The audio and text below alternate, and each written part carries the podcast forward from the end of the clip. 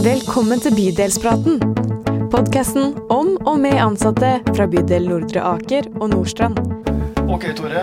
Vi har jo hatt en lang pause fra bydelspraten vår. Nå er vi litt tilbake i en litt annen setting. Eh, litt spesiell tematikk. Ja, vi følger opp den praten vi hadde med noen fra Nordstrand. Ja.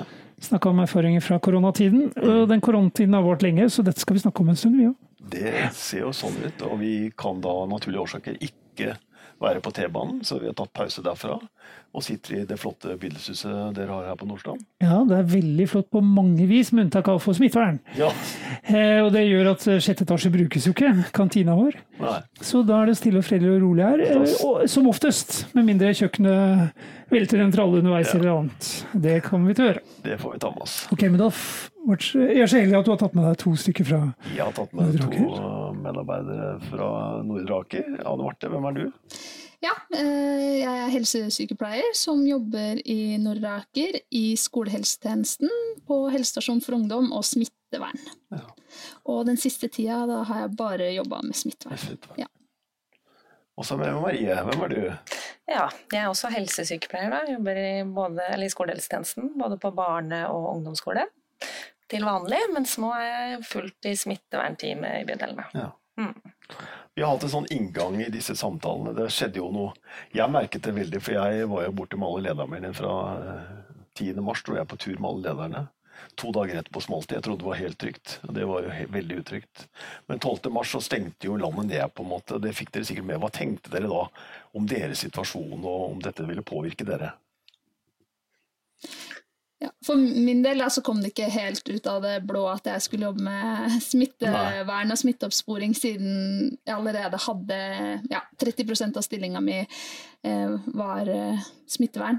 Så for min del så kom det ikke så veldig overraskende på at eh, ja, det ble min arbeidshverdag framover.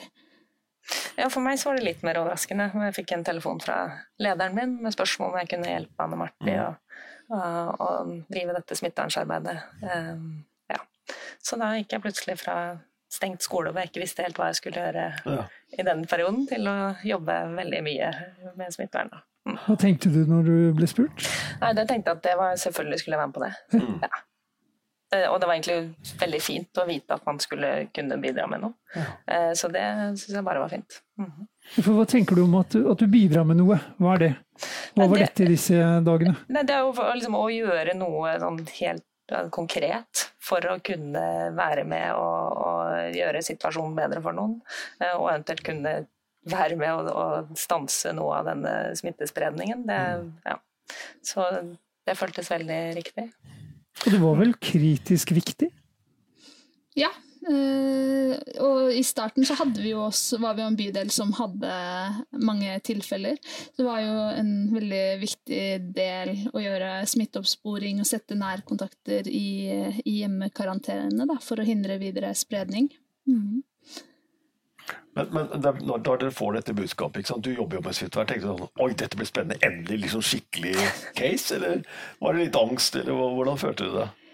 Um, det, har vært, eh, det har jo vært spennende og eh, måte å jobbe på å gjøre smitteoppsporing, også store smitteoppsporinger, fordi eh, vanligvis så Smittevernjobbing jeg har gjort tidligere, er jo rundt påviste lungetuberkulosetilfeller, og det er kanskje snakk om tre fire stykker i året, men plutselig så har du mange på en gang. Eh, Men det var jo litt skummelt og en litt sånn ja, usikker situasjon, da. Mhm. Og hvordan fikk dere det til i begynnelsen? da? For det, ikke sant, i, i, i, vi fikk jo alle disse hjem fra skiferie i Østerrike Ja, og det er det, vet du. ja, ja, ja, og Nord-Italia. Og så kom de hjem, og så fikk vi jo en veldig mange som var i, i nærkontakter med det smittede også. Og Hvordan fikk dere det til? og Hvordan fikk dere rigga dette opp? Eh, ja, vi eh, hadde jo eh, Vi måtte jo sette opp eh, vaktlister, eh, sånn at vi var folk på jobb både på dag og på kveld og i helger.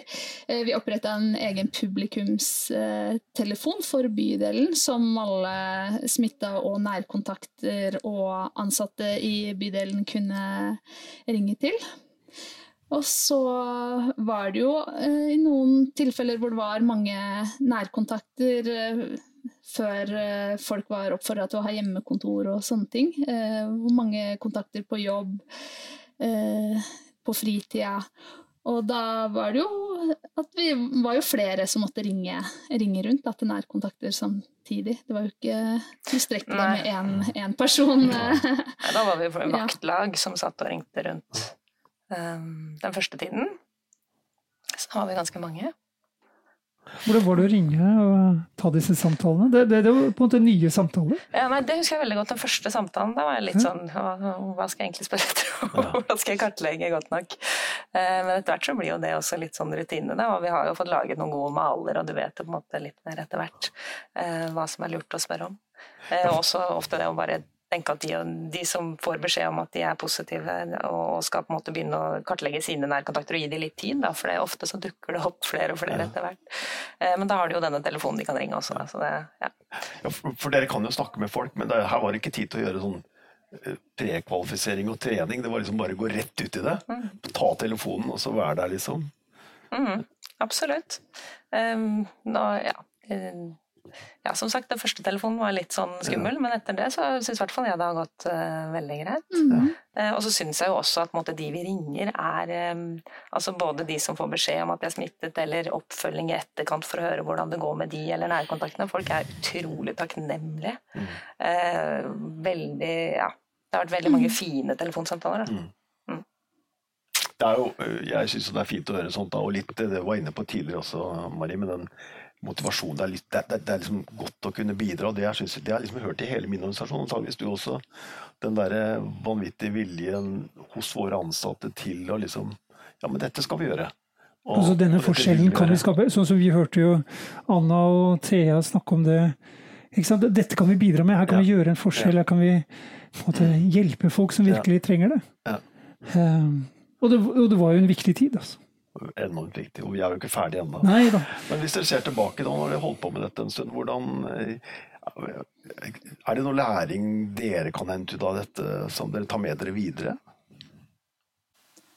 hva skal vi si, det er, vi har lært å tilpasse oss veldig fort. Da, og, ja. det, ja, at det er store endringer ta, ta, altså bare starte opp med noe Ja. nytt og bare stå i det. Mm, at vi Eh, får det til eh, får sammen. det til, ja. At, eh, og jeg syns alle har vært eh, For det er jo mange av Vi har jo gjort det smittevernteamet som har gjort smitteoppsporing, har jo vært eh, våre kolleger, da. Og Ja, alle, Alle har stilt opp. helsesykepleierne eh, eh, og vært positive og Ja. tatt utfordringa på strak arm.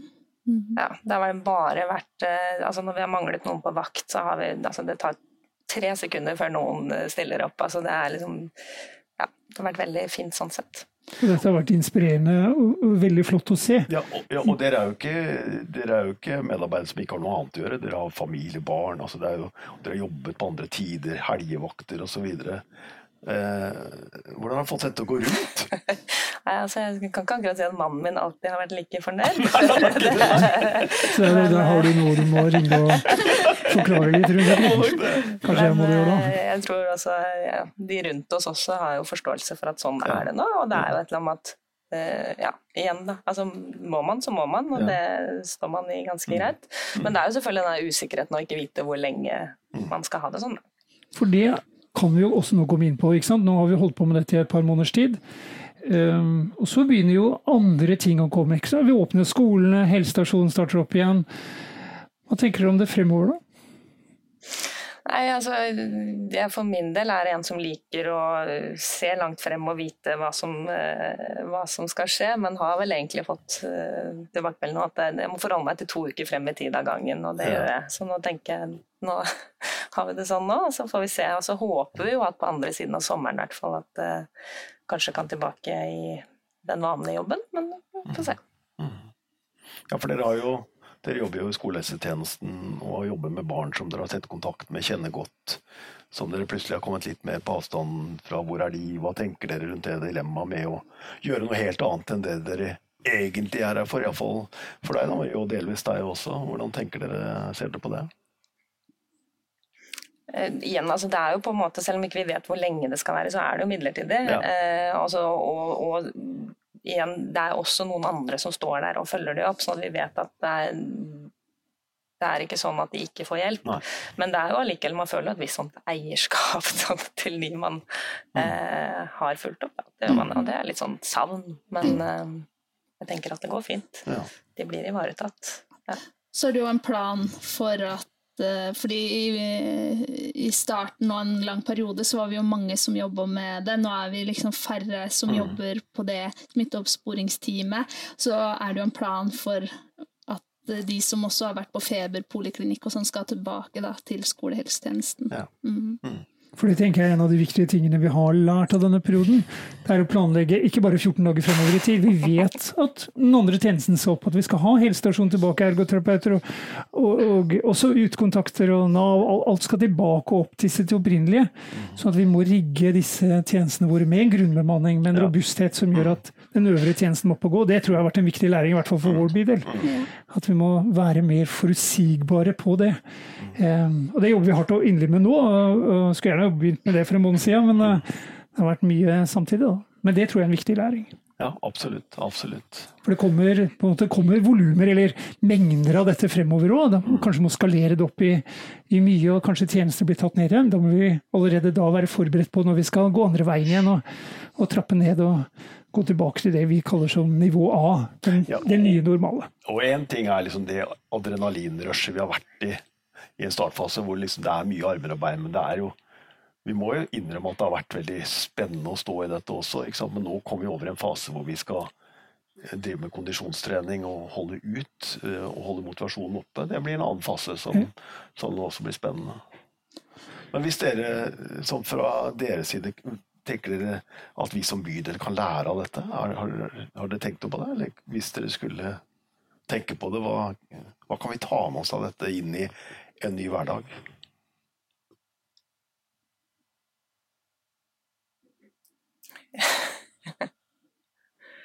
Dere var inne på dette med samarbeid. Vi samarbeider bedre, vi er et team. Altså, har dere blitt knyttet tettere til hverandre i denne situasjonen? Eh, ja, men altså, nå har vi hovedsakelig bare vært helsesykepleiere Ja. som har jobbet med dette både på feberpoliklinikk og, og smittevernteamet. Mm. Så sånn sett så har jo vi vært ganske tett knyttet uansett. Mm. Men man kan jo heller lære av det kanskje å ikke tømme bare én tjeneste, men fordele det mer Ja. utover, kanskje. Sånn, I hvert fall når man skal tilbake igjen. Ja. Um, ja.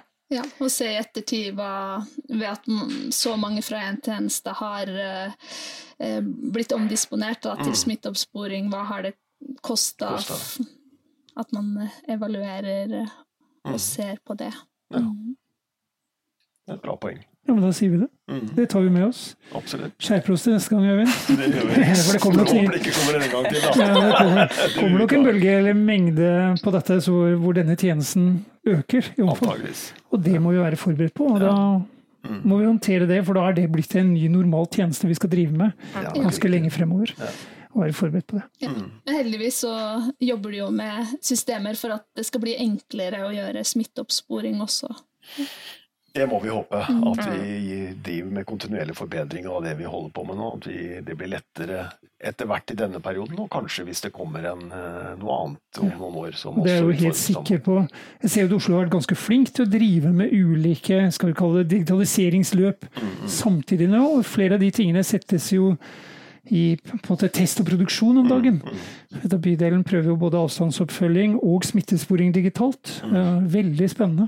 Ser ut til at det kan være gode løsninger for mange bydeler. Det er. Ja, Det så vi gleder oss. Det får vi håpe. Yes. Veldig bra. Takk for at dere stilte opp. Og lykke til videre i det viktige arbeidet dere gjør for oss. Og for innbyggerne våre. Og med det sier vi takk for denne praten. Ja, Podkasten er tilbake neste uke. Plutselig. Sjette etasje. det er riktig. Fint. Ha det godt.